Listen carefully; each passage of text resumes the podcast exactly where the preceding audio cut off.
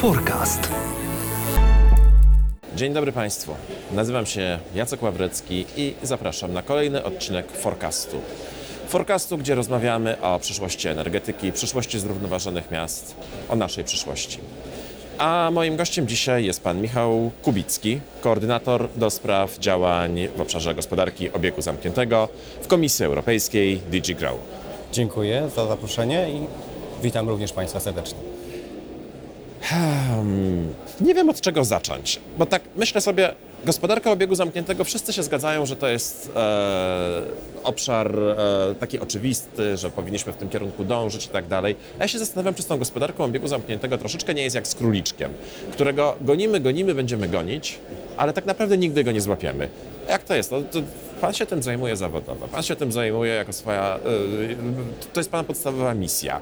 Czy kiedykolwiek będzie miał pan poczucie spełnienia?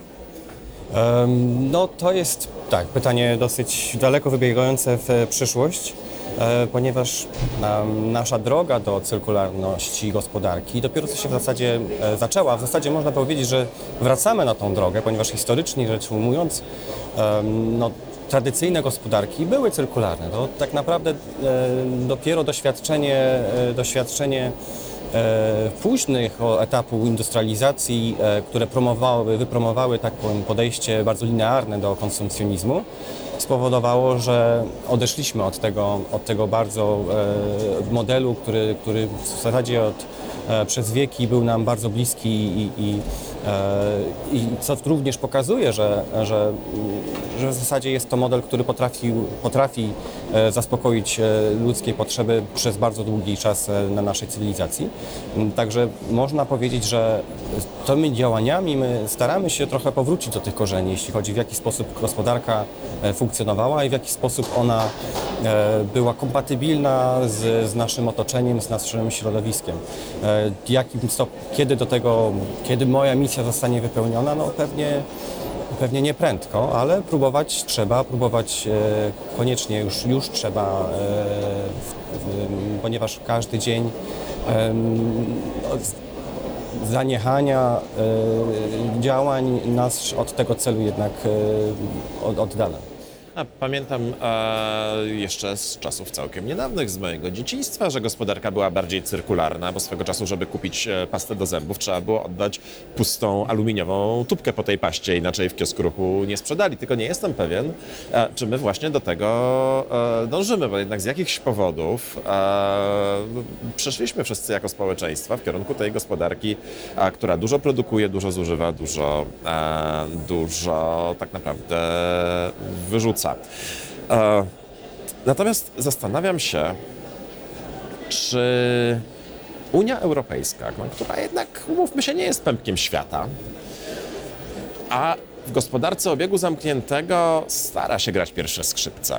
A czy, czy, czy to nie jest tak, że jedynym pewnym wynikiem tego to będzie e, utrata naszej konkurencyjności na rzecz gospodarek, które się tym aż tak bardzo nie przejmują? Czy my mamy szansę zmienić świat? Mamy duże szanse zmienić świat, dlatego że Unia Europejska cały czas e, ma, dos, ma dużą siłę projekcji swoich rozwiązań regulacyjnych. To jedna rzecz.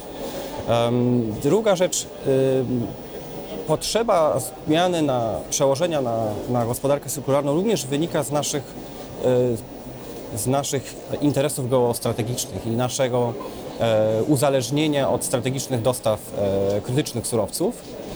I w tym względzie moja dyrekcja e, bardzo aktywnie bierze udział w, w promowaniu różnych rozwiązań, które e, uniezależnią nas, e, spowodują, że nasze łańcuchy będą bardziej bezpieczne, że będziemy mieli dostęp do, do surowców, które są również potrzebne na, na, na naszej misji dekarbonizacji. Bo nawet jeżeli w tym momencie mówimy o odejściu od paliw kopalnych, przejście na zieloną energię, wiąże się to z y, zapotrzebowaniem dużo większymi na surowce potrzebne do produkcji czy baterii, e, czy fotowoltaików, czy, czy również generatorów, które są e, montowane w, turbinach wiatrowych. Więc e, jeśli chodzi o gospodarkę materiałową, potrzeba Unia Europejska musi do tego dążyć w celu zapewnienia sobie strategicznej suwerenności surowcowej. Ale o tej strategicznej suwerenności surowcowej dużo się też mówi w Polsce. W kontekście paliw, nie tylko paliw.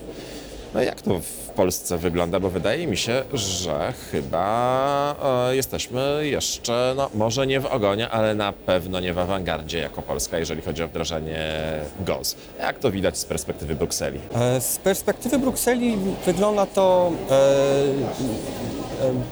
o tyle optymistycznie, muszę przyznać, że każdy kraj jest bardzo, bardzo inny.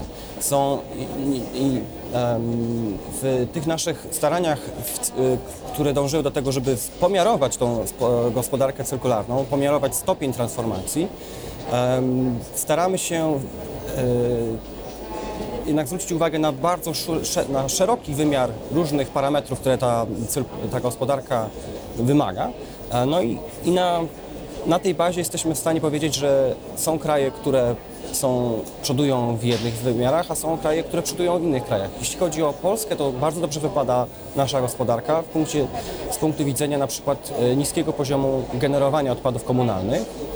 E, Dobrze wypadamy również jeśli chodzi o kwestie nawet wydajności e, zasobowej, E, więc, więc są takie aspekty, na których możemy się skupić, na które trzeba promować jako no, rozwiązania, które, które w Polsce dobrze funkcjonują, które powinny być wzorcem dla innych krajów, ale również są też takie, które niestety, które, które, które e, dzięki obecności Polski w Unii Europejskiej możemy podejrzeć, jak inne kraje sobie z tym radzą i dzięki temu e, szybciej je wdrożyć, unikając pewnych, e, pewnych mm, pułapek, które po drodze na te kraje czekały.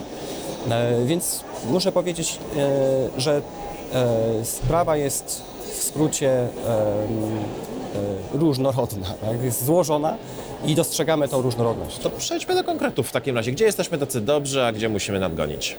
No jak już wspomniałem, przede wszystkim poziom e, generowania odpadów e, na mieszkańca, jeśli chodzi o, e, o, o odpady komunalne, to daje nam szansę na to, żeby To promować... wynika z naszego niedorozwoju troszkę.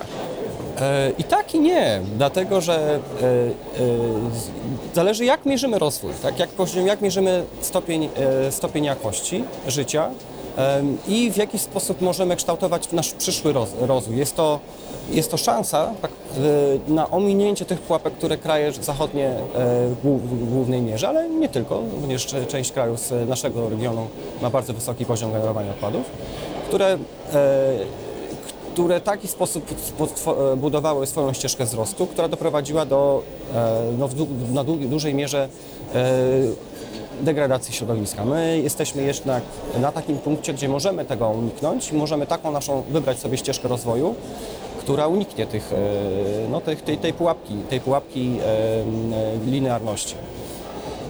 A w takim razie, co powinniśmy zrobić, żeby te nasze mocne strony w Europie wypromować?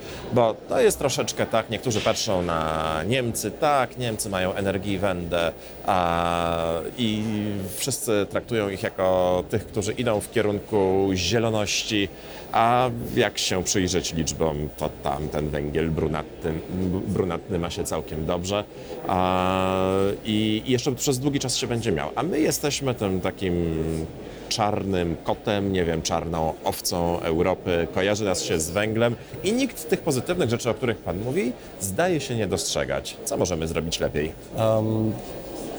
zmienić trochę perspektywę, dlatego że Unia Europejska to jest, ja zawsze staram się porównywać to do takiej piaskownicy, w której się bawią różne dzieci, w której decyzje w co będą się te, bawić, te dzieci bawić, nie podejmuje piaskownica, tylko te dzieci, które tej, tej piaskownicy są. Więc my jako, e, jako e, członkowie Unii Europejskiej przede wszystkim musimy wyzbyć się z takiego e, podejścia, że, e, że że Unia Europejska rozwiąże nasze problemy bez naszego aktywnego zaangażowania. Tutaj trzeba jasno sprawić, sobie postawić, że nasz okres pewnego rodzaju ochronny, w którym uczyliśmy się, w jaki sposób instytucje działają, już minął. Teraz jesteśmy e, pełnoprawnymi uczestnikami tej dysk dyskursu politycznego Brukseli i dlatego trzeba e, o tych mocnych stronach bardzo aktywnie em, informować, uczestniczyć w procesach konsultacyjnych, uczestniczyć w procesach legislacyjnych, w których te decyzje e, się kształtują. Tutaj Bruksela jest bardzo otwartym e, taką przestrzenią, gdzie e, gdzie procesy, w jakich można uczestniczyć w tych, w tych dyskursach są zdefiniowane i bardzo przejrzyste, jeśli można porównać to jakichś innych okoliczności. Tutaj em, wydaje mi się, że mamy sporo jeszcze do nauczenia się, w jaki sposób wykorzystywać te możliwości, które instytucje oferują pod względem tego, w jaki sposób przekazywać, e, mówić o swoich silnych stronach, ale również o tych obawach, które, e, które czy, czy wyzwaniach, jak transformacja na gospodarkę o obiegu zamkniętym niewątpliwie będzie e, będzie stawiać przed kraj- krajami członkowskimi i jeżeli Polska czy polskie firmy nie będą w tego uczestniczyć, no to zadziała prosta mechanizm krótkiego prześcieradła.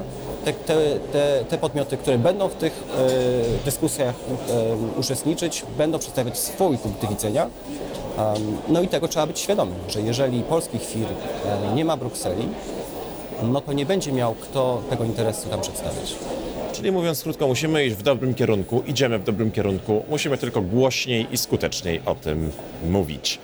Dziękuję bardzo. Moim i Państwa gościem był Michał Kubicki, odpowiedzialny za koordynację działań dotyczących gospodarki obiegu zamkniętego w Brukseli w Komisji Europejskiej. Dziękuję Państwu. Dziękujemy. Forecast.